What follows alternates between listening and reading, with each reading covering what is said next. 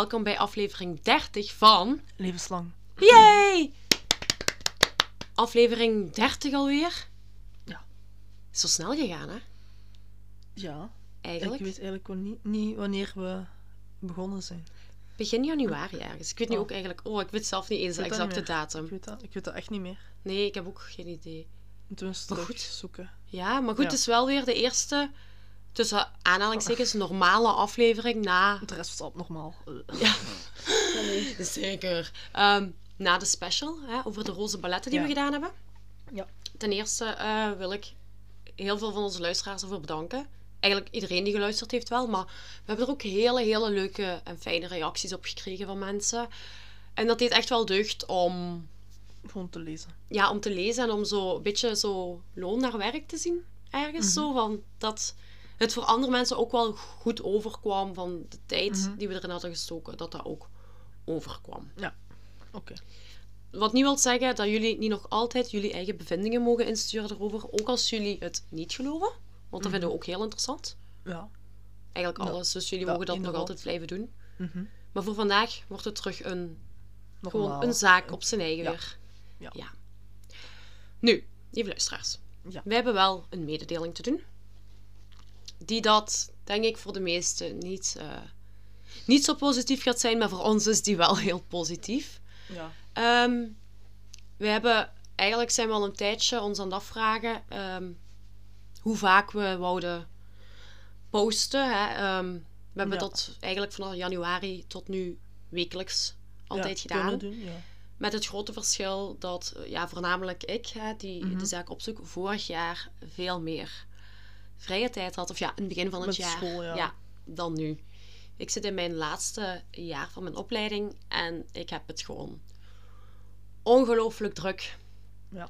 Daarnaast is het ook gewoon onze hobby en is het in dat opzicht jammer genoeg geen onderdeel van echt werkgerelateerd. Dus Ja. dit gaat allemaal buiten onze uren om, zowel uw werkuren als mijn eh, Mhm. schooluren.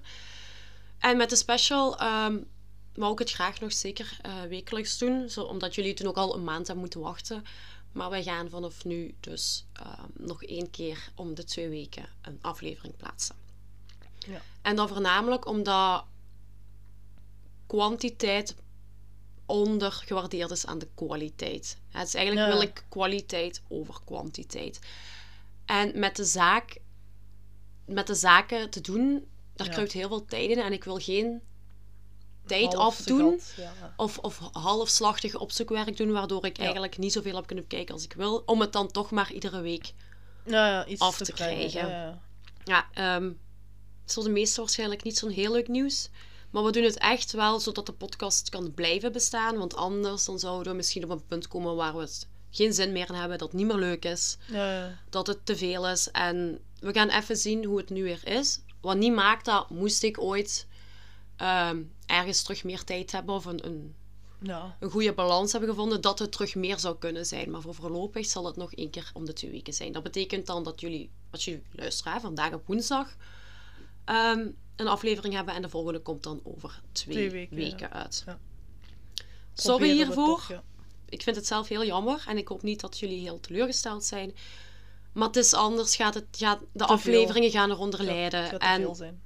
Dan gaat ook de goesting wat wegraken, vrees ik. Dat je maar moet, tijd moet zoeken. Ja, dat, ik, dat het meer moeten wordt dan willen. Ja. Weet je, ik wil wel dat het iets blijft wat ik wil doen en niet wat ik moet doen. Ja. Dus vandaar deze beslissing. Yes. Goed. Goed, aan de andere kant hebben we natuurlijk vandaag wel een aflevering voor jullie. Die hebben jullie Mhm. sowieso van ons te goed. Yes. En de aflevering van vandaag is een verzoekje ja. van hun luisteraar. Ilse heeft ons, nog voordat we met de special begonnen, een verzoekje gestuurd over Barbara Daly Bakeland. Ik wist niet wie dat was, dus ik was al meteen geïntrigeerd. En ook de uitleg die Ilse erbij had gestuurd, dat er zo echt een beetje van alles in zat. Intrige, moord, alles. Ja, ja mijn, mijn interesse was wel... eh, Ik weet nog van niks. Nee, jij weet eigenlijk nog heel weinig. Hè? Soms, Eigenlijk soms licht ik u op voorhand zo wel eens in over een zaak, maar hier maar heb je me niks niet echt. Hè? over Zo verteld. Hier en daar een beetje. Dat kan. Ja. Maar Goed, ik ga ook wel nog niet te veel vrijgeven Nee. van de aflevering, omdat ik denk dat we er gewoon zelfs gelijk mhm. best gaan induiken. Dat is goed. Ilse, bedankt voor eh, dit verzoekje. Ja. En dan gaan we maar beginnen aan het verhaal over Barbara Daly Bakeland. Oké. En nu klappen we drie keer. Yes. Hé! Amai, dat was ongelijk. Opnieuw! moet 3, 2, 1 zeggen Ja, en dan. oh, sorry. Nee, 5, 6, 7, 8, Nee, 9, nee, 3, 2, 1. 3, 2, 1.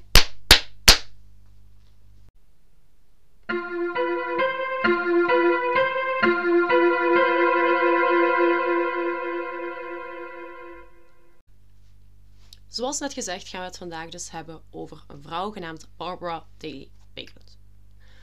Barbara wordt geboren als Barbara Daly op 28 september 1921 of in 1922. Hier begint het al. Ik... De bronnen verschillen al gewoon over haar geboortedatum. Maar hetgene wat, het, wat ik het meest tegenkwam in de bronnen was het jaar 1922. Dan zal het dat wel zijn. Ja, kijk, hier begint het al. Ehm, qua datums is, gaat, gaat Ja. het niet altijd heel duidelijk zijn, maar we gaan proberen er een Ja, ja. algemeen beeld van te vormen. Dus begin jaren 20 Ja.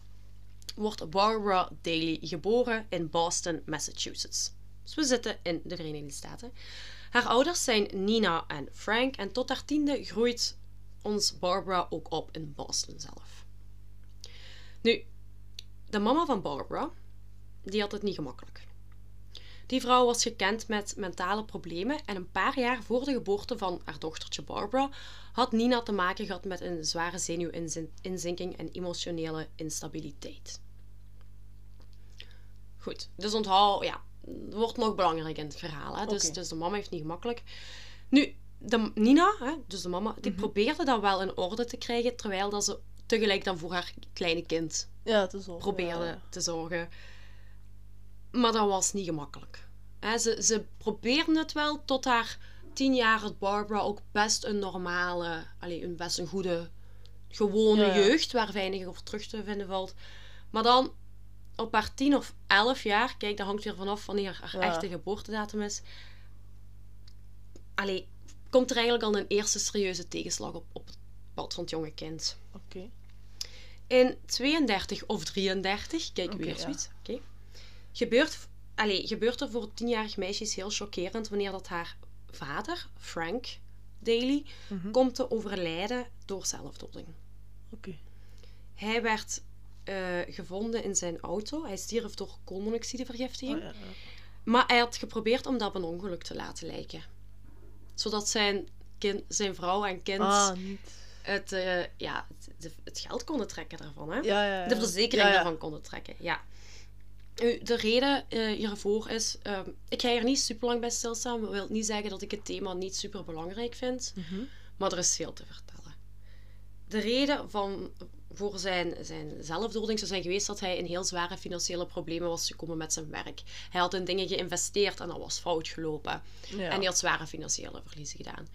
Maar dit betekende ook wel dat niet alleen de mama van Barbara mentale moeilijkheden ervaarde, maar dus ook evengoed haar Papa. papa dat had.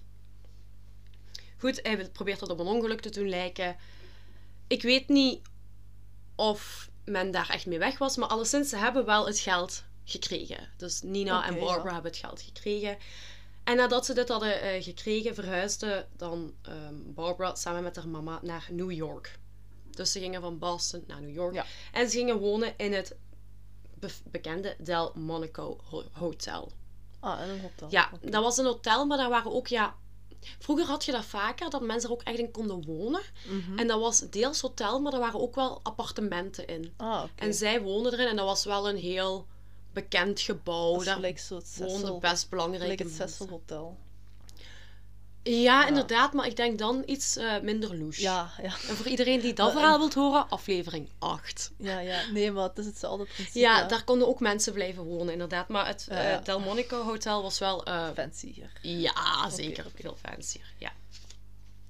Nu, Barbara's jeugd liep vanaf toen eigenlijk ook niet meer echt over rozen. Hè? Met een, een papa die dan gestorven was door zelfdoding. Ja. die mentale problemen had. En dan een mama die het mentaal ook heel moeilijk bleef hebben. Want ineens stond die er ook wel alleen Ja, ja. voor. Tuurlijk. En was haar man verloren op een manier dat voor haar waarschijnlijk ook zeer triggerend werkte. Want ze had zelf ja. met heel zware mentale problemen. En wat je vaker ziet bij mentale problemen, ik kan erover meespreken, ehm, is dat dat deels genetisch aangelegd kan zijn. En Barbara had pech dat zowel mama als papa ehm, psychische kwetsbaarheid hadden, daar genetisch aangelegd voor waren. En Barbara die heeft dat overgeërfd. En die had eigenlijk vanaf haar elfde, ook dan met de dood van haar vader natuurlijk, had zij ook problemen met, met stabiliteit, met emotionele rust te vinden. En doorheen haar jonge jaren worstelt ze dus ook met psychische kwetsbaarheden. Ja. Ehm, goed, ze wonen dan in New York. Ze heeft het niet makkelijk. Barbara zal ook doorheen alle jaren van alle psychiaters en psychologen blijven proberen om haar geluk te kunnen vinden. Ja. Maar dat is niet gemakkelijk. Die, zit echt... Je hebt een deel nature-nurture noemen ze dat. Nature is geërfd. Nurture is eigenlijk wat je meekrijgt. Ja. Of hoe je, hè, met je opvoeding en zo. En ik denk in dit, op dit gebied zit één nature er al in. Maar ook nurture. Want ze heeft de zelfdoding van haar papa meegemaakt. Dus ja. Ik denk dat is niet te onderschatten. Wat dat, dat doet met een kind. Ja. En als je dan zelf al makkelijker last kunt hebben van psychische problemen, gewoon door je genen. ja, ja. Als zoiets gebeurt, ja, ik begrijp heel goed dat dat jonge meisje best al wat problemen had. Goed. Nu, ze wonen dan in New York en ondanks hè, dat haar psychische problemen, dat, dat houdt ze zo wat achter gesloten deuren, wordt Barbara eigenlijk in New York vrij snel bekend omwille van haar grote donkere ogen en haar volle mooie haren. Zo Oké. zei ze dat. Zij was echt een schoon kind, als je dat zo kunt zeggen. Dat was echt zoals wij zeggen, dat is een schoon kind. Ja, Eh, Een mooi meisje, maar als je er ook foto's van ziet, ja, ja. ze heeft de looks mee. Mooi donker haar, mooie lach, mooie uitstraling, vriendelijke uitstraling. En in New York kwam ze toch al snel bekend te staan omwille van haar looks. En mensen die, die zagen dat en die vonden ja, daar alles aan. Nu, Barbara, die was dus, om het echt in de woorden van hun te zeggen, prachtig. Die was prachtig, maar ze was daarnaast ook heel erg ambitieus. Want vanaf jongs af aan droomde Barbara al van grote steden, bekendheid en vooral van veel geld. Wie niet? En dan met haar natuurlijke schoonheid daar in New York wist ze eigenlijk ook heel snel om, om de aandacht naar haar te kunnen brengen. Hè? Om, om haarzelf in de spotlight te zetten om belangrijk te worden. Daar was ze heel goed in en uiteindelijk was haar doel ook veel geld hebben, bekendheid, Ja. in, de hoge, in de hoge sociale Kringen, ja. klasse te kunnen verkeren. Dat was echt haar droom. Al heel snel wordt Barbara een van de top 10 mooiste vrouwen van New York. Ja, ze Dat werd is- echt gezien ja. als een van de 10 mooiste vrouwen van New York. Stonden de boekjes? Of... Ja, stond. Ja, Ja, ik ah, heb ook effectief wel artikels gezien waar dat in stond. Hè, dat ze een van die mooiste vrouwen was. Alleen heb ik niet gevonden op welke plaats ze dan stond. Of ze nu een 10 was of een 3, Ah, 1. oké. Dat weet ik wel niet. Maar ja, Maar ze stond, allee, ik bedoel, In ze de stond top in de top 10 mooiste vrouwen van New York. En op deze manier weet ze eigenlijk al heel snel zo een modellencarrière Ja. voor haar eigen op te bouwen. Logisch. En dat werkt ook, want ze wordt eigenlijk al vrij snel model voor zowel Vogue als voor Harper's Bazaar. Bazaar? Bazaar schrijft dat? Bazaar. Bazaar. Mensen, Ja. mensen gaan me nu uitlachen. Goed, maar dus voor de grote Plaatjes. Mode- Ja, ja. boekjes en zo, daar stond zij dus Mhm. ook eh, model voor. En al snel wordt ze dan ook een van de topmodellen van haar tijd. Ze wordt nog altijd gezien als een van de topmodellen ook van haar tijd. Dit is in de jaren 30 en 40. Ah, oké. Ja. Ja, ja Oké. dan, dan zit er weer. Ehm, wat hebben we nog? Ja. Ze was dan al bekend in die modellenwereld, maar daarnaast had ze ook zo de ambitie om inderdaad in die hoge sociale kringen te verkeren. Ja. En door natuurlijk een model te zijn voor zo'n bekende ja, bladen, kwam ze ook op den duur wel zo in die hoge sociale kringen terecht. En werd ze eigenlijk ja, een socialite daarin. Hè? Dat, dat, Een socialite. ja. Een... Daar, ah, ja. ik weet niet wat het Nederlandse woord daarvoor is. Maar ze, ja, zo, Ehm. is, ja, je kunt dat moet, Ja. het is geen socia- socialisten, hè? Ik Ja, bedoel, nee, dat weet Maar- Ja, maar ja, ik weet wel wel. Snap je wat ik wil zeggen? Ja, zo een vrouw die in de hoge kringen vertoeft en daar ook best wel bekend gewoon daar is. veel sociale contacten heeft met Ja. andere rijke tata's. Ja. Yes. En dit heeft ze dus inderdaad verkregen door haar werk en haar looks. Want ja, ja, ja, ja. superficial, Ja, ja, ja. Hoe dan ook, ehm, Ja, zo ja, werkt het. hè. goede looks brengt u Dat verkoopt. dat verkoopt. Jammer maar helaas. En ze wordt hierdoor ook zo heel vaak uitgenodigd voor van die high society feestjes. Nou, Met ja. veel rijke mannelijke aanbidders. Ze heeft het, om het bijna te zeggen, voor te kiezen. ja. Hè, ze wordt dan ook wel gelinkt hier en daar, maar dat is nooit niet echt iets super serieus of zo. Ja, ja. Goed, ondanks dat ze, ze bevindt zich echt keigoed in die kringen daar. Hè. Ze is model. Maar eigenlijk was Barbara haar, haar echte droom om een actrice te worden in Hollywood. Maar dat was niet gelukt. Hè. Ze, is, ze is daar wel voor gegaan, dat was niet gelukt. En uiteindelijk, als we eerlijk zijn, kon ze ook niet echt klagen over de, pos- de Ja, nee. positie waar ze in de plaats stond. Dat was nee. altijd een hele hoge positie. Nu, ze is wel een tijd naar Hollywood gegaan om dat te proberen. En in Hollywood on- ontmoeten ze onder andere... Hollywood. Hollywood. Hollywood. In Hollywood ontmoeten ze onder, onder andere de acteur Dana Andrews. En ze heeft daar dan ook zo auditie mee gedaan en gespeeld. En hoewel ze daar eigenlijk niet zo in uitblonk, leerde ze daar wel een vrouw genaamd Cornelia Bakeland kennen. En de twee worden al snel heel goede vrienden van de tijd in Hollywood. Ja. Cornelia die stelde Barbara voor aan haar jongere broertje Brooks Bakeland. En Brooks dat was een piloot in opleiding voor de Royal Canadian Air Force. ja. Klinkt goed. denk het wel. Dat dacht Barbara dus ook. En nog iets. Herkent je de achternaam Bakeland van iets? Ik wist dat ook niet hoor. nee, Nu, nee, nee, nee. Bakeland is eigenlijk ehm, een bekende naam, want de Bakeland-familie was vooral bekend door een man genaamd Leo Bakeland of Leo Bakeland, want hij was half Belg. Nee, hij was een Belg, halve Belg. Anyway, hij was een Belg, dus Leo Bakeland. En die heeft bakeliet uitgevonden. En dat is een soort kunststof. En Ah. eigenlijk om te zeggen, hij heeft de eerste soort plastic uitgevonden. Ah, oké, ja. En hierdoor was de hele familie Bakeland stinkend en stinkend Ja. rijk. Dus Barbara, Ja, die droomt van roem, ziet Geld. en een knappe gast uit een goede familie met een goede jobvooruitzicht En veel geld. en veel geld, hè, dat vooral. Nu, Barbara die wordt smoor verliefd op Brooks. Of op het geld. K- ja, kijk, hier ben ik niet achter gekomen. Ze zou, allee, volgens veel verhalen, hield ze wel echt van hem. Maar laten we zeggen, als hij een arme sloeber was, Dan uit de achterbuurten, dan, Nee. dan denk ik niet dat het zo ver had gekomen. nee. Zij wordt er smoor verliefd op. En vooral omdat hij dus inderdaad welgesteld en intelligent was. En hij was ook wel gewild door andere vrouwen. Maar zij ging hem krijgen. Brooks was dus alles wat Barbara wou. En niks kon haar tegenhouden om hem voor haar te winnen. En dan gaat ze vrij ver dat Ja, gaan we ja. zo zien. Oké. Nu, tijdens de jaren 40 was het dus wel goed aan tussen de twee. Er was wederzijdse aantrekkingskracht. Het, het boterde Ja. wel goed tussen de twee. Maar Barbara, die wou meer van Brooks. Die wou meer dan gewoon een relatie. Ze wou met hem trouwen. Zo snel mogelijk. Mhm. En om dat voor elkaar te krijgen, heeft ze zo haar eigen manier bedacht. Ehm, en ieder voor zichzelf om te beslissen of dit de, de juiste manier was. Maar goed. Onthoud even dat Barbara inderdaad al, ook op dat punt al haar hele, bijna haar hele leven struggelde met mentale Ja. problemen. En nog altijd naar psychiaters, psychologen ging. Maar goed, Yes. Barbara die wou dus per se met Brooks trouwen. En hiervoor bedacht ze eigenlijk een leugentje om best wel. Oké. Ik verhaalde even van die psychische problemen aan. Niet omdat ik eh, dat goed wil praten. Maar ik kan me voorstellen... Allee, ik weet dat ook. Als je onstabiel bent... Dan kun je al dingen doen... Die dat je anders misschien niet zou doen. Ja, of Ja. sneller overgaan. Iets.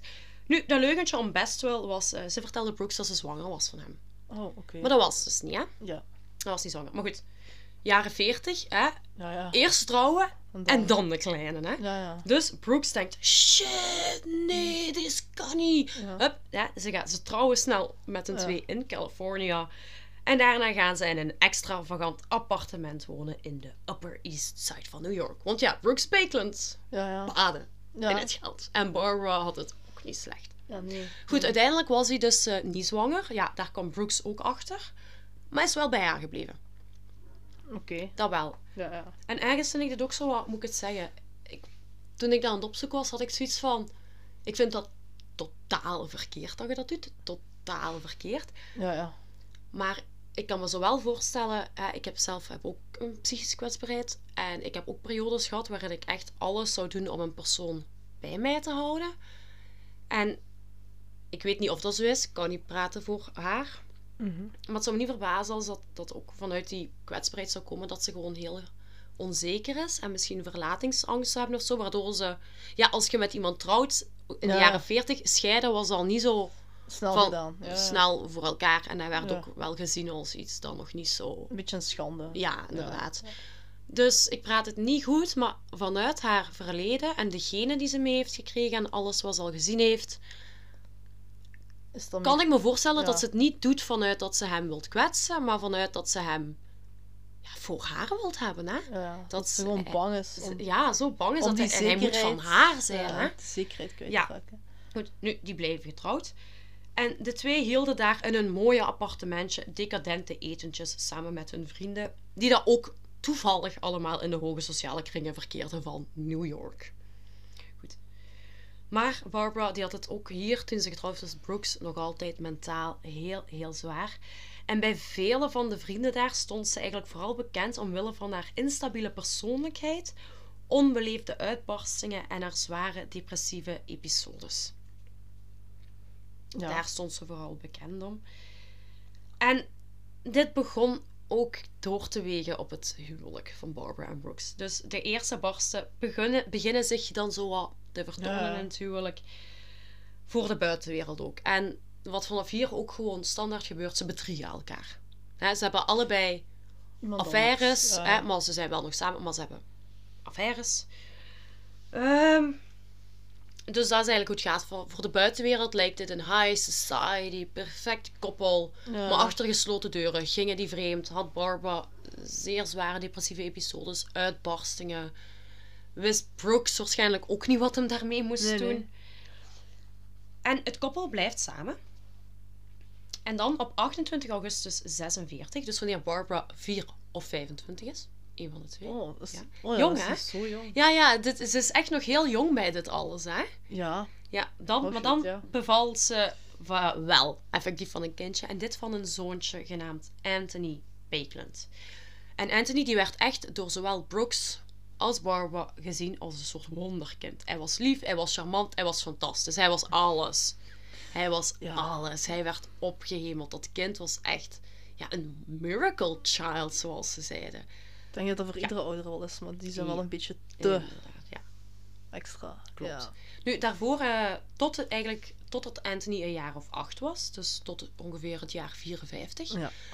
leefden ze gewoon in New York daar, in dat Ja. appartement. Maar vanaf de zomer van 54 leefde het gezin een soort van, ik heb het vrij letterlijk moeten vertalen, een soort nomadisch, seizoensgebonden bestaan. Oké. Dus afhankelijk waarschijnlijk van waar het goed weer was op dat moment. Of, naartoe, ja, ja. of als ze gaan skiën, gingen ze daar naartoe. En wat hield dat eigenlijk in voor dit gezin? Een woning, een appartement in New York hielden ze. Ja. Maar de merendeel van het jaar zaten ze eigenlijk in Europa met huurwoningen en villa's in zowel Londen, Parijs, Zwitserland, Zuid-Frankrijk en ook in veel delen van Italië. En hier schipperde die zo wat tussen, denk Ja, ik, afhankelijk van waar ze woonden. En Anthony, vanaf zijn acht jaar, moest dat meedoen. Voor een kind is dat niet gemakkelijk. Nee. Die heeft niet echt na zijn acht jaar meer een vast, een vast thuis gehad. Ja, dat ook. Nu, maar het was wel de droom van Barbara en Brooks en dit ging goed. Vooral omdat door dat nomadisch bestaan waren die ook vaak niet samen. En dat was natuurlijk voor de affaires die ze hadden nog altijd allemaal. Ja, ideaal. Ideaal, hè? Het leven van Barbara en Brooks bleef wel echt, echt extravagant. Met ook overal waar ze woningen hadden, hadden ze gasten uit de hoge sociale kringen Ja. die konden komen eten. Ja, en dan heb je die affaires daar, hè? Goed. Vanaf de buitenkant leek het dus een, een heel goed leven te zijn, maar echt mm, alles wat een hart begeerde, zeiden mensen daarover. Hè? Maar Barbara had het niet makkelijk. En in tegenstelling tot wat ze hadden gedacht, bleek Anthony niet de remedie te zijn voor de relatie van het Ja, koppel. nee. Want dit hadden zij eigenlijk Gedacht. ergens een Ja, beetje ja. gedacht. Of verwacht gewoon. In tegenstelling zelfs, Anthony zorgde voor nog extra problemen. In het huwelijk.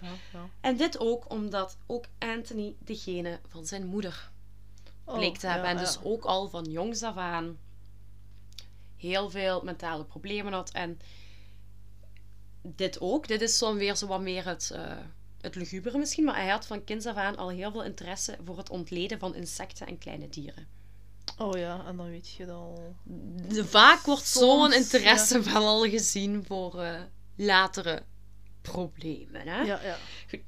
Hè, maar in plaats van dat, dat Barbara en Brooks dan hulp zochten voor een zoon, en vooral Barbara, deden die alsof dat allemaal normaal was. Er is niks aan de hand. Hij is Ja. zo'n geweldig kind. Het is te veel moeite om. Ja, en vooral Barbara, die wou dat niet zien. Haar zoon nee. was alleen maar geweldig. Dat was super. Die kon niks fout doen. Die kon niks fout Ja, ja. doen. Zijn, nog erger, eigenlijk door zijn interesse voor het ontleden van dieren, had zij zoiets van, maar kijk, hij heeft gewoon een mega interesse in de biologie. Hij zegt, hij wordt een genie. Hij, Tja. zo, zo Ja. deed ze er. In plaats van misschien met kleine Aha. Anthony naar een eh, psycholoog, te gaan of zo. ja. Dan werd hij eigenlijk opgehemeld voor dat gedrag.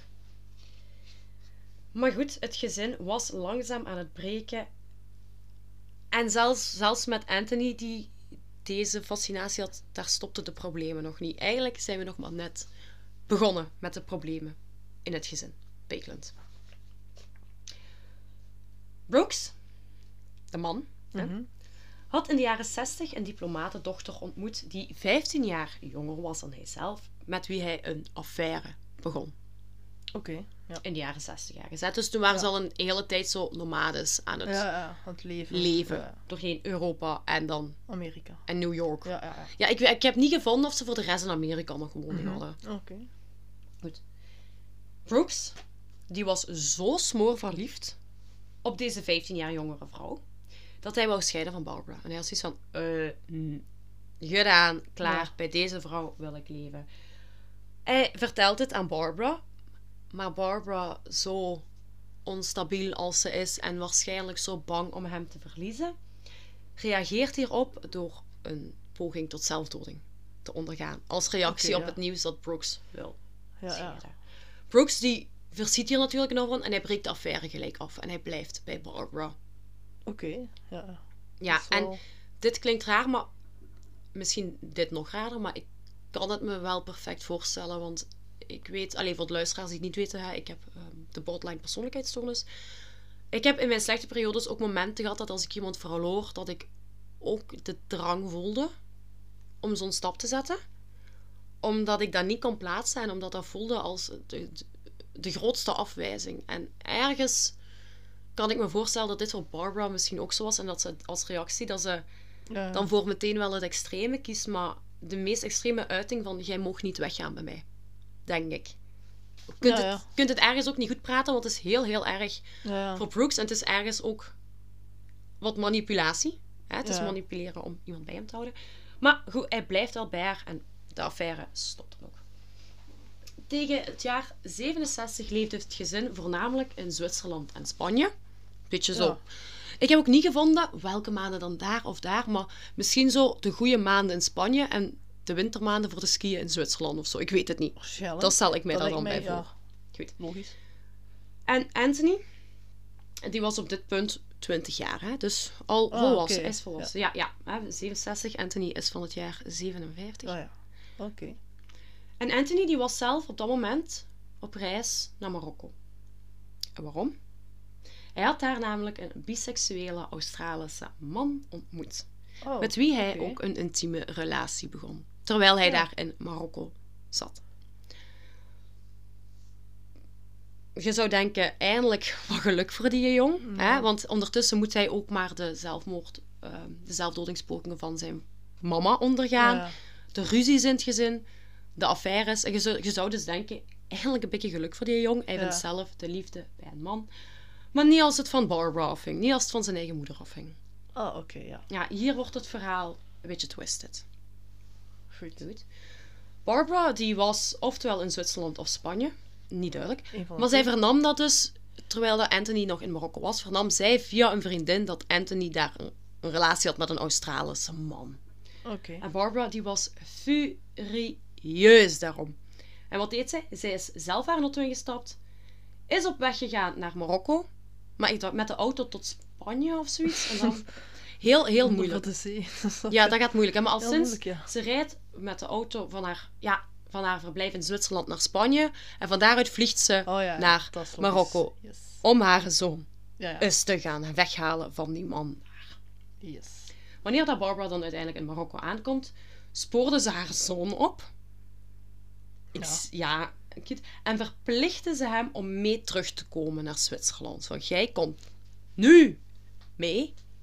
Niet die dude Ja. meenemen, jij komt nu mee. Anthony deed het. Ja, Ja, ja, ja. ja hij is Zoals 20 het schrik. jaar. Ja, waarschijnlijk. Nu, er loopt iets mis. Hè, op weg naar, eh, naar Zwitserland. Ze komen dan uiteindelijk aan de Franse grens. ja. En daar wordt ze tegengehouden. En Anthony blijkt zijn paspoort niet mee te hebben. Die ligt Oh. nog. In Marokko. In Marokko. Ja. Waarna zowel moeder als zoon eh, allebei dus een nacht in de cel moeten verblijven. Oh nee. Ja, dus dan is Anthony is al door zijn ma weggehaald van Ja. zijn liefde. En dan moet, dus ook, moet zij Ja. ook nog eens een nacht in de cel ja, blijven. Anthony is pissed off Ja, ja, ja. op zijn moeder. Ja, logisch. Pissed off. Maar echt, ja. Goed. Uiteindelijk komen ze dan aan een nacht weer uit. Ah, kunnen ze toch verder.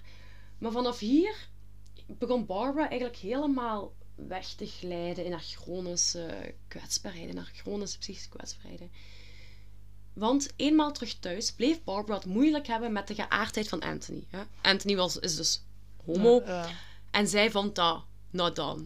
Barbara was een, ik zeg het gewoon, een homofoob ja. in hart en ziel. Goed. Zij was daar dus gans op tegen. Hè. Zij zei ergens dat ze dan wel gezegd van, goed, hè, die relatie met die man, het is oké. Maar intussen tijd stelde ze Anthony wel heel tijd voor aan vrouwen en probeerde Ja, ja. ze hem te linken Ja, aan de vrouwen.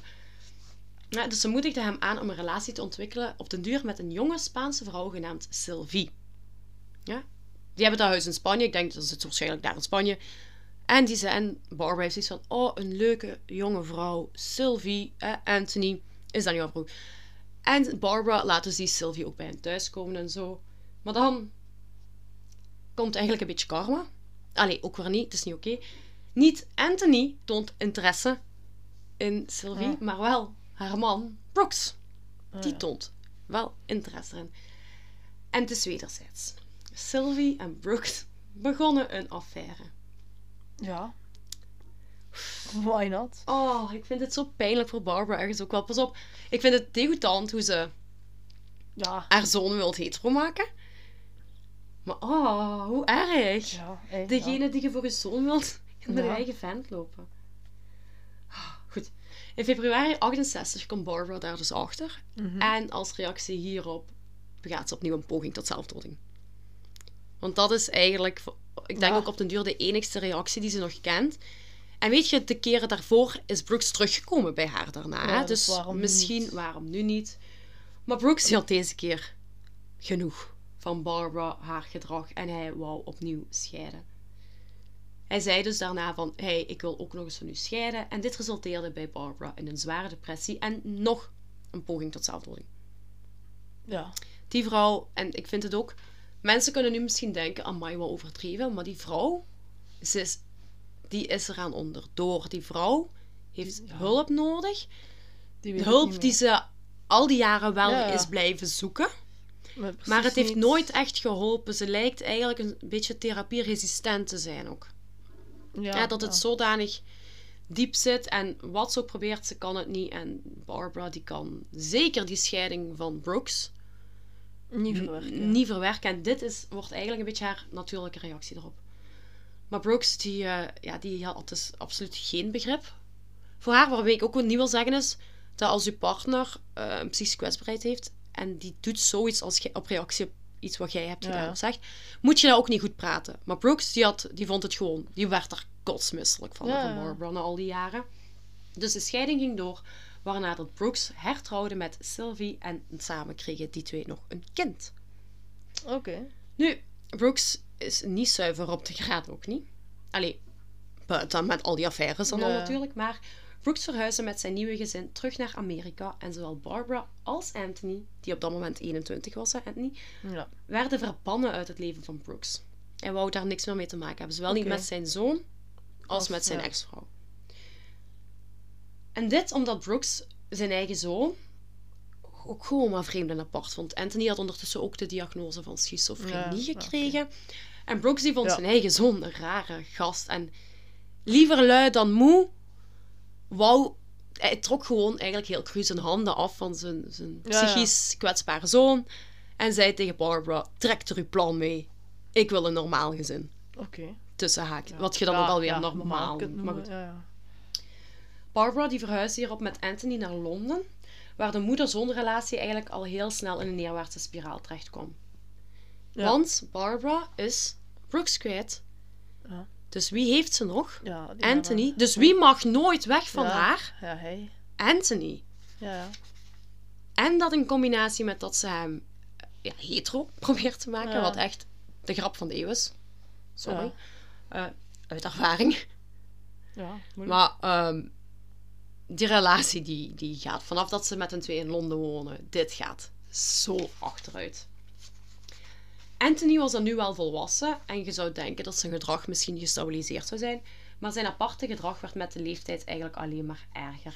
En op den duur ook met agressie en gewelddadige uitbarstingen. Gelijk dat eh, Barbara ook die uitbarstingen Ja. kon hebben, kon Brooks die ook, kon Anthony die ook hebben, maar hij, was ook, hij kon ook echt heel gewelddadig worden. Ja. En een jonge gast, die kent vaak zijn eigen kracht. Ja. Ook totaal niet, hè? Het hielp al helemaal niet natuurlijk voor de relatie dat Barbara nog altijd, nog altijd geobsedeerd was door de geaardheid van haar zoon Anthony. Ze wou hem hoe dan ook hetero maken. Dus toen dat niet lukte met Sylvie, ging ze over naar plan B. Ze probeerde hem te genezen, tussen aanhalingstekens, door sekswerkers in te huren voor hem. Dus die kwamen dan langs Ja, bij een thuis in Ja. Londen. Ja, dit had geen effect Ja, ja, nee. op Anthony. Ja, nee, tuurlijk niet. Daar moeten we niet moeilijk over doen. Nee. Dat heeft gewoon geen effect. Eh, Goed. Barbara's controlerende persoonlijkheid wordt ook gezien als een van de factoren voor het verslechteren van de mentale gezondheid van haar zoon. Hè, zij wou hem hebben, hè? niemand anders mocht. Hè? Zij Mhm. kon haar zoon niet loslaten. Dus hij werd gecontroleerd, verstikt en dan ook eigenlijk nog eens aangespoord om seksuele betrekkingen te hebben met het geslacht waar hij totaal geen ja, interesse in heeft en wat eigenlijk ook geen probleem mag zijn. Maar goed, we zijn in de jaren 60. Ja. Allemaal nog niet zo gemakkelijk. Hoewel dat nu ook nog niet per se gemakkelijk Nee, is hoor. Goed. Bon, dat werkt dus niet met die sekswerkers. En wat ik nu ga zeggen, dat is niet bevestigd. Wel gezegd door Barbara zelf. Maar men weet niet of dat, dat gewoon grootspraak was omdat ze hield van mensen te chockeren of niet. Maar Barbara, die zei, toen dat de sekswerkers niet hielpen, dat ze haar zoon dan wel zelf hetero zou maken. En zij zou dus tegen mensen gezegd hebben dat ze met haar eigen zoon wel naar bed zou gaan om hem hetero te maken. En ook helemaal van haar te maken. Nu, er zijn mensen die dit geloven. Er zijn ook wel heel sterke vermoedens dat dit waar is. Hè? Anthony zegt dit zelf ook. Maar Ja. Barbara... Weet je, Barbara hield ook van mensen te chockeren en van grootspraak. Ja. Dus sommigen hadden ook wel zoiets van... Ze kan dat gezegd hebben, maar is dat zo? Dat weten we niet. Maar stel dat het zo is, hè. we gaan hier ervan uit dat het gebeurd is eigenlijk. Ze zou dus haar eigen zoon misbruikt hebben. Alles, alles was goed. Alles was toegestaan om hem maar te genezen. Zodat het gezin, dat eigenlijk voor de rest wel nog een goed decadent leven leidde, hè. Aan geld was er nooit niet tekort. Hè. Zodat dat gezin zou voldoen aan het ideale beeld wat Barbara naar de kop had. Hè. Ja. Perfecte gezinnetje, perfecte plaatje, de rijke mens met invloed. Want ook Ja. al was ze gescheiden van Brooks Bakeland, zij Ja. was nog altijd in die high society zelf. Dus had haar eigen plekje. En haar Ja. achternaam was ook wel nog altijd Bakeland. Ja. En dan bleven ze gelinkt worden aan, ja, die familie. aan, de, f- Ja, ja. aan het familie-empire. Eigenlijk. Ja, dus daar, had ze, daar moest ze daar geen zorgen over maken. Nu, nu Anthony, die, eh, je kunt je dat wel voorstellen als je misbruikt wordt door je moeder. Anthony, die al mentale problemen had, dit wordt nog erger. Hè? dit kan alleen maar verslechteren in, met die cocktail aan elementen. Dus wat gebeurde er? Anthony die bedreigde zijn moeder Barbara achter gesloten deuren met messen, probeerde haar herhaaldelijk te burgen en hij probeerde haar soms ook gewoon van voor bij een huis aan de straat onder de auto's te duwen. Oké. Zo'n dingen probeerde hij. Wazig. Ja. Alle jaren aan problemen met zijn vader die hem dan verlaten had en een moeder die hem al dan niet zou misbruiken, maar sowieso overcontrolerend was, zorgde ervoor dat Anthony in 1972 zijn controle volledig verliest. Anthony is dan 25 jaar. Goed. Anthony had geprobeerd om zijn mama aan te vallen met een mes, maar ze kon ontsnappen en in plaats van hem aan te klagen, liet ze hem opnemen eerst in een eh, psychiatrisch Ja. ziekenhuis en daarna liet ze hem dan nog ambulant behandelen bij een psychiater. Hij werd wel opgepakt voor poging tot moord, Ja, maar zij, ja, ik denk dan ook weer die moederliefde, of, of toch, want ze hield wel superveel van haar die zoon. niet kwijt, hè. Want ja, Ja, dat was wat ze anders was hij weer alleen, hè. Ja, Als ik denk dat het ver- zoiets was. Ja, nog Ja, weet je, ik heb was nergens gevonden of dat de reden was, maar dat is wat ik mij daarin zou kunnen voorstellen. Waarom zou je... Eh, Dat kan een reden zijn om zo obsessief te zijn, natuurlijk. Hè? Mhm. Dus zij liet hem behandelen. Eerst was hij opgenomen en daarna dan bij een eh, ambulante psychiater. Nu, die psychiater, die ambulante, die was zo gealarmeerd na zijn sessie met Anthony, dat hij Barbara bij zich had geroepen en tegen haar had gezegd van... Pas op, uw eigen zoon zou u kunnen proberen te doden. Zo gealarmeerd was die psychiater door het gedrag van Anthony. Ja, ja. Hij zei, en ik quote... Ik denk dat je in groot gevaar bent. Waarop Barbara antwoordde, en ik quote... Ik denk het niet. En dat was het. Ze dacht, eh, niet. Maar dan, bijna drie weken hierna, na deze waarschuwing, doet Anthony exact datgene waarvoor de psychiater Barbara gewaarschuwd had. Over Wat naar de het orde van dag. Wat Op- zou het zijn? Ja, op 17 november 1972, dan is Barbara 51 of 52, kijk, Ja, ja. een van de twee, was Barbara die dag hè, met een vriendin uit in Londen, waartegen ze opschepte over het geweldige, leuke en extravagante leven dat ze samen leidde met haar zoon Anthony. Van wie ze toch zoveel hield. Hè, dus naar buiten nog altijd Ja, ja, die schijn ophouden. Oh, Oh, ja. wat leuk. Oh, wat geweldig. Het feit dat ze achter gesloten deuren schrik moest hebben voor haar leven, dat ging ze nooit niet zeggen tegen Ja, haar nee. high-class vrienden. Hè. Dat kon niet. Hè. Dat was een schande. Goed. Anthony was op dit punt een lange, smalle gast van 25. Hè, en hij had ondertussen ook wel een beetje zijn bekendheid, want hij was nu eenmaal zoon van. Ja. En hij droeg de naam Ja. Dus Anthony die had ook wel zijn... ehm, Ja. zijn plaats in de high society, zo. Goed. Uren nadat ehm, Barbara terug thuis was van weg te gaan met haar vriendin in Londen, was het haar eigen zoon die haar zou vermoorden. Ja. Anthony stak zijn moeder recht in het hart met een keukenmes, waarop ze ter plekke overleed in de keuken van een woning. Hier, ter plekke met Barbara zelf, stierf dan ook de turbulente, toxische moeder-zoon relatie. Ja. Die was bij deze direct beëindigd. Goed. Toen de politie de gruwelijke plaats delict aantrof, vond ze Barbara op haar rug op de keukenvloer, dood. Ze slag op haar rug. En Anthony die was daar ook, maar die leek de ernst van zijn daden niet in te zien. Hij zou in zo'n grote ontkenning hebben gezeten dat, en I kid you not, dat hij op het moment dat de politie daar aankwam Chinees aan het bestellen was. Oké. Gewoon, hij ontkende totaal Ja. wat daar gebeurd was. Hij zag dat niet, dat was niet waar. En hij was, alsof het niks aan de Ja. hand was, Chinees aan het bestellen via de tele- ja, met de telefoon. Oké. Ja. Die jong was, denk ik, ook ver weg. Ja, ja, ja. Wist het niet goed. dat. Anthony die wordt meegenomen naar het bureau. Obviously. Waar hij dan ook, eigenlijk ook gelijk opbiecht wat er die avond is gebeurd. Hij ontkent niet, hij zegt ja, dat klopt. En hij zegt dat hij dan die avond ruzie had gemaakt met zijn mama. En volgens Anthony is dit de relaas van de feiten.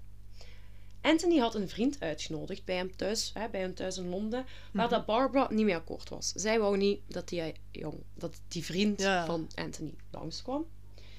Ze zouden hierover in discussie zijn gegaan en hè, vergeet ook niet dat Anthony nogal de neiging kon hebben om agressief te worden, ja. gewelddadig. Barbara moest daar ook niet zoveel voor Nee, onder nee, doen. Dus die discussie die verergerde al vrij snel. Hè? En dat liep maar op en dat liep op. En op den duur werd deze ook agressief. Waarop dat Anthony zijn mama begon te slaan. Hij begon haar dus te slaan. Waar, waarop, volgens hem, Barbara naar de keuken vluchtte. Waar dat hij dan naar achter haar aanging, een keukenmes pakte en haar neerstak in de keuken. Dat zou gebeurd zijn.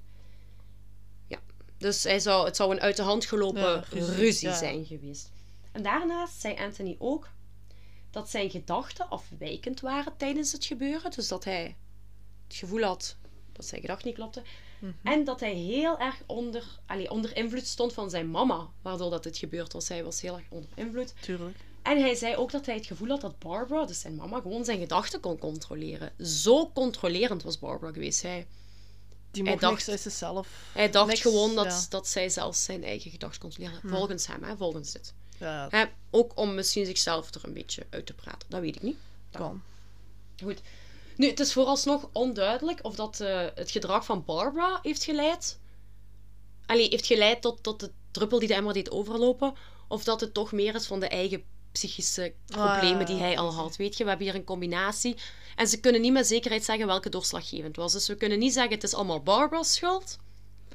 Maar we kunnen ook niet zeggen het is allemaal Ja. Anthony's schuld. Pff, maar Ze, Ja, die vrouw was wel heel extreem. Dus het zal ja, wel zeker. wel... Zeker, die vrouw was uit geweest. de liefde die ze voelde gewoon verstikkend tot en met. Die, daarom. die jong kon kon- zich niet draaien of keren. Die mocht zelf niks. Nee, en, Ja. en, en dan werd hij ook nog niet geaccepteerd voor wie hij was. Hè? Want hij werd verplicht om met vrouwen naar bed te gaan. En hoogstwaarschijnlijk zelfs met zijn eigen mama. Ja, daarom. Dus ik... Ja, Dus die is gesnapt. Eigenlijk bij een heel kleine discussie over iets onbenulligs is hij helemaal gesnapt en heeft hij zijn mama vermoord, zegt hij. Hoewel Anthony wel heeft bekend, op dat moment leek het niet echt alsof hij besefte wat hij gedaan had. Want zelfs toen hij in voorarrest zat in de, in de Brixton-gevangenis, vroeg hij aan zijn bezoekers hoe het met zijn mama ging en of dat ze nog leefde. Dus hij begon eigenlijk terug te vragen van, hoe is het met mijn mama? Leeft ze nog? Is ze in orde? mhm. Dus het komt punt dat hij zo precies ook niet besefte dat ze er niet, niet meer was of zo. gaar. Nu. Anthony werd, die werd bijgestaan door advocaat genaamd John Mortimer. Die eigenlijk probeerde om Anthony terug naar zijn roots in Amerika te brengen. Hè? Want Anthony Ah, ja, is een Amerikaan, hè? maar ze zitten in Londen. Ja. Zodat hij daar eigenlijk een behandeling zou kunnen krijgen. Want ze hadden schrik dat als hij in Engeland, dat hij daar veroordeeld zou worden en daar nooit meer weg zou raken. ja, ja. Dus ze wouden hem eigenlijk proberen terug naar Amerika te halen. Om hem daar te kunnen behandelen op hun manier. En niet op de strenge Engelse manier. Ja. Nu- Oké. Helaas, Ja. dat gaat niet door en Anthony wordt schuldig bevonden aan doodslag en wordt naar Broadmoor gestuurd. Een van Engelands topbeveiligde psychiatrische ziekenhuizen. Dit is, denk ik, de, je hebt er drie in Engeland. Ik ken alleen Broadmoor van buiten. Er zijn heel goede documentaires over. Maar dat is dus echt zo, ja, een, een psychiatrische afdeling, psychiatrisch ziekenhuis, voor gedetineerden. En daar hebben, zoals de Silent Twins hebben daar gezeten. En nog een paar van de vrij bekende. ehm, ik denk die van Sons of Sam. Ik weet niet, volgens mij heeft die daar ook gezeten. Oh, echt? Ik denk, of ben ik nu echt het uit mijn duim? Is dat geen Amerikaan? Oh ja, oh nee, dat oeps. Amerikaan, hè? Dat. Oeps. Oh, maar, amai, ik zou het eigenlijk moeten opzoeken. Zoek het dan op en zet het erbij. Als Ja. je de video, of eh, de video, het luisterfragment Ja. post. Ja, oftewel, eh, jullie vinden het misschien gewoon terug bij de afbeeldingen dan. Dat maar goed, kan ook, ja. het is echt, en tot nu toe, dat is ook nog altijd echt, dat wordt gezien als de meest beruchte, de meest zwaar beveiligde Ge- psychiatrische Ah, ja, gevangenis. ja, een ja. soort van gevangenis. Hè. Je, kwam daar, ja, ja. je kwam daar niet, aan. nee, nee, nee, nee, nee. Ze zaten daar wel ook opgesloten. Maar die hebben gewoon meer dingen voor. Ja, met eh, behandeling. Hè? Ja, ja, met ja. behandeling. Nu, hier wordt hij alsnog bezocht door de rijken, door de rich, de famous, alles. Want ja, tuurlijk. vermoedelijk omwille van zijn mama's celebrity status. Want zij was effectief gewoon een celebrity geworden. Mhm. En natuurlijk, hè, dan heb je die Ba- Bakeland-dynastie die daarachter Ja, zit. ja, Ja, ja, dat ja, ja, natuurlijk. Maar niemand toonde echt compassie met hem op één iemand na, terwijl hij daar in Broadmoor zat. De enige persoon die met compassie naar hem keek, was zijn grootmoeder aan vaderskant. Hè, dus aan de Bakeland Ja, ja, ja. kant. Zijn grootmoeder noemt Nini. Oh, oké. Dat vind ik gewoon ongelooflijk schattig naam. Goed. Samen met belangrijke hooggeplaatste figuren richtte Nini een campagne op om hem proberen terug naar de Verenigde Staten te krijgen vanuit Broadmoor. Dus ze probeerden hem daar ten eerste vrij te krijgen. En dat hij dan terug mee kon naar, naar. Amerika. Nini hield van haar kleinzoon en ze dacht ook wel echt dat Anthony een, echt wel een normaal en gelukkig leven zou kunnen leiden met haar hulp en haar supervisie. Nini geloofde daarin, oké? Nini was 87 ook even, Ja. maar zij geloofde daarin. Maar Brooks, de papa van Anthony, die was hierop tegen en vond dat zijn zoon eigenlijk, eigenlijk beschuldigd had moeten worden voor moord en niet doodslag. Hij was keihard daarvoor. Maar tegelijk vond Brooks psychiaters ook zonde van de tijd. En hij zei, mijn zoon, dat heeft geen nut niet meer, die is gewoon kwaadaardig. En dat zei hij nadat Anthony macabre cadeautjes stuurde naar zijn halfbroertje vanuit Broadmoor. Dus Ah, daar ja, het nieuwe zoontje van Brooks daar. Ja. Die kreeg blijkbaar macabere dingetjes opgestuurd. Niet gespecificeerd wat zoal, maar Wazig, ja. wazige dingen. Ja. Nu, die oma Nini, die blijft scheiden. En op 21 juli 1980 wordt Anthony op 33-jarige leeftijd vrijgelaten uit Broadmoor. Met behulp van zijn oma en haar invloedrijke contacten. De enige voorwaarde hiervoor was dat hij in New York bij zijn 87-jarige oma moest gaan wonen. Dat was de afspraak. Hij moest daar gaan wonen en zij zou op hem letten en hij zou terug zijn leven op de rails moeten krijgen. Dat was de enige voorwaarde. Brooks die hoort dat dus, dat zijn zoon was vrijgelaten. En die was woedend om deze beslissing. En hij geloofde dat Anthony in staat was om opnieuw te moorden. Hij had zoiets van, die, die kan dat perfect opnieuw doen. Maar zijn oma en, en die andere belangrijke mensen die hem dan mee hadden vrijgekregen, die zagen dat allemaal niet. Hè. Ze vonden dat Brooks overdreef. Ja, dat allemaal niet waar was. Nini heeft dus het volste vertrouwen in Anthony, maar ze zal ook snel genoeg gaan beseffen hoe gewelddadig Anthony Ja. eigenlijk kon zijn. Anthony's gedrag, in plaats van te verbeteren, verergerde nog meer. En de oude Nini die was gewoon op 87-jarige leeftijd niet in staat om haar 33-jarige kleinzoon de baas te zijn. Ja. Dat ging gewoon niet meer. En enkele dagen na aankomst in New York veranderde zijn gedrag al meteen van niet alleen van gewelddadig, maar ook gewoon naar iets luguber. Hij bouwde een macaber altaar voor zijn dode moeder en mompelde satanische verzen en niemand die hem kon helpen. Oké, ja. Hij bad, hij, bad daar naar zijn moeder, hij, naar zijn dode moeder. Ja, een heel erg. altaar, zo'n satanisch altaar gemaakt voor zijn mama. Beetje gek. En slechts zes dagen na Anthony's ontslag uit Broadmoor, zes dagen hè, krijgen Anthony en Nini, de oma, Ja. een verhitte discussie over een telefoontje dat hij wou plegen naar Engeland. Anthony wou naar een vriend bellen die in Engeland zat, want ja, hij heeft natuurlijk wel heel lang in Londen Ja, gezeten. Tuurlijk. Maar Nini was er niet mee akkoord. Ze zei, jij gaat dat niet doen. Jij mocht niet. Ze verbood het hem. Waarop dat de impulsieve Anthony haar maar liefst acht keer heeft gestoken met een mes. En ook meerdere van haar botten brak. Ja, Hij zou hierop wel de politie gebeld hebben en gezegd hebben: ze wilt maar niet dood. Ja, Ja. Daar Hm. zit je dan. inderdaad. Goed, politie komt ter plekke en hij wordt gearresteerd en aangeklaagd voor poging tot moord. En nu heeft niemand meer medelijden met Ja. hem. Hè? Nu gaat hem niet meer Kunnen naar een plaats ja, ja. waar ze hem gaan helpen. Nee, nu wordt hij naar de Rikers Island gevangenis in New York gestuurd. Dat is een vrij bekende gevangenis, Ja. Rikers Island, ja. Nu, na acht maanden behandeling door het psychiatrische team van Rikers Island, als dat er dan al echt was, want dat is een gevangenis meestal niet zo fantastisch, verwacht Anthony eigenlijk dat hij op 20 maart in 1981 vrij zou komen op borgtocht. Hij dacht, dat gaat hier lukken, dat stond ook gepland, en hij dacht, oké, ik ben hier, ik ben hier weg. Hè. Nu, die afspraak die werd verplaatst. Dat ging niet door op 20 maart omwille van een vertraging van zijn medische rapporten die nog vanuit Engeland moesten overkomen. Die ze nog altijd niet hadden gekregen daar in Rikers Island. Dus die datum werd opgeschort naar een andere dag. In plaats van 20 maart. Om half vier 's middags, plaatselijke tijd. Nee, half vier s'nachts. Maakt niet uit. Wordt hij terug naar zijn cel gebracht, dus, hè, nadat hij dus teleurgesteld was Ja. over het feit dat hij ja, niet vrij kon komen, Ja. niet op borgtocht kon vrijkomen. Wordt hij naar zijn cel gebracht en na 30 minuten, dus rond 4 uur daar, wordt hij dood teruggevonden in zijn cel. Een half uur nadat hij terug was. En dit Mhm. door zelfdoding met een plastieke zak rond zijn hoofd. En hier eindigt het tragische verhaal van de familie Bakeland. Ja. Waar echt bijna een vloek zit aan Ja. psychische problematieken. Hè? Zijn Ja. Grootvader Ja, heeft zelf, is aan zelfdoding overleden. Hè? De papa van Barbara. ja. Dan hadden we Barbara die dood is. Met ook Ja. zeer veel pogingen. En dan hadden we Anthony die uiteindelijk ook door zelfdoding om Ja. het leven is gekomen. En dan hebben we de dode oma. Maar dat Nee, de oma heeft het Ja, overleefd, hè? Ah, dit overleefd. Oké, Het was stop, stop. poging tot moord, hè? Ze heeft het sorry, overleefd, hè? Want dat hij zei toch, ze wilt, maar niet dood. Ah, oké. dus- heeft het ah, overleefd. Oké. Maar hierna had ze ook wel echt geen medelijden meer, hoor. ja, met, ja, eh, goed, nee, nee, het is die vrouw wel zuur opgebroken. Goed. Goed. Wazig. Wa- ja, ik wou net vragen, wat vond je ervan? Ja, ja. ja. Het is een heel gek verhaal, maar ook heel triestig. Ja. Maar, ja. Ja, ik, ik vind het ook zo wat, wat dubbel. Ik heb nog nooit, denk ik, zo hard gehad dat ik beide kanten kon begrijpen. Of, of, of ik kon inzien waarom dat hij...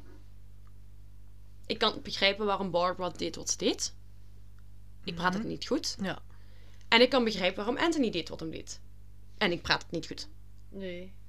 Dat is zo'n beetje hetzelfde als de Jeffrey Dahmer dingen. wat we hebben Ja, die, ja veel weet je, dat is nu, we hebben dan net afgekeken. Hè, en Dat is heel veel gelijkenis. ja, er geeft die- mij ook zoveel van die, Die vibes moeder had af. ook psychische Ja, problemen, ja, had ook, had ook een psychische kwetsbaarheid, ja. Die papa ook, die had ook toegegeven dat, Dat hij, hij- ook inderdaad. vroeger als kind mensen wou vermoorden. Of hoe dat was, Ja, om iemand te vermoorden. Wel, maar daar zie je inderdaad diegene, Ja, dat kan. Het ligt nooit alleen aan degene. Net zo min als dat het alleen aan omgeving Ja, ligt. ja, het is maar die opvoeding... Ja. een merendeel, allee, als mensen hierin geloven. Hè. Je hebt mensen die geloven dat het meer opvoeding is. Je hebt mensen die geloven dat het meer genen is. Ik denk gewoon Mm, echt dat het een combinatie is van de twee. Als je die genen meekrijgt en je le- leeft ook in omstandigheden die Niet goed zijn. problemen Ja. oproepen, die het voor iemand zonder ja, ja. psychische kwetsbaarheid al moeilijk maakt, laat staan als je dat dan daar nog eens bovenop ja, ja. hebt. Dus Ja, dan... het, het hele verloop van die familie, dat kon bijna niet anders als tragisch eindigen. Ja. En zeker ook toen... Allee, ik denk niet dat er zoveel hulp was als Inderdaad. nu, maar nu Hè, want zelfs dat, is dan niet. gebeurd in de jaren zeventig. Ja, ja, moet je denken. Ja. Zo ver zaten ze denk ik nog niet op dat vlak. Allee, ja, denk nu... Er is Ja. altijd ruimte voor Ja, ik wil verbetering. juist zeggen, het is, er is nog altijd niet... ruimte ja, voor verbetering. het is nog altijd niet wat het moet zijn Klopt. op dat vlak. Maar goed. ja. Het is een, een sneu verhaal. Ja, dat is. Ja. Wat Goed. doet je eraan? Wel, wat ik daaraan ga doen is... Er, Ja. komen, er komt nog beeldmateriaal Oh ja. online van deze zaak. Ehm, als jullie op woensdag luisteren, hij komt vandaag. Ja. Als jullie op een latere dag luisteren, Het staat er hij op. staat er al op. Eh, kun je terugvinden op onze socials. Dat is op Facebook onder Levenslang. Gewoon, Levenslang. Mhm. Op Instagram onder Levenslang Podcast. Kunnen jullie ons ook altijd berichtjes opsturen. Vinden we super fijn. En jullie kunnen ons ook altijd via mail bereiken op levenslangpodcast.gmail.com. Yes. En dan zijn wij, zoals gezegd, binnen twee weken terug Ja, met een nieuwe aflevering. goed. Dankjewel, lieve luisteraars. En alvast dankjewel voor jullie begrip. En dan horen jullie ons terug binnen twee weken met een nieuwe aflevering. Oké. Tada!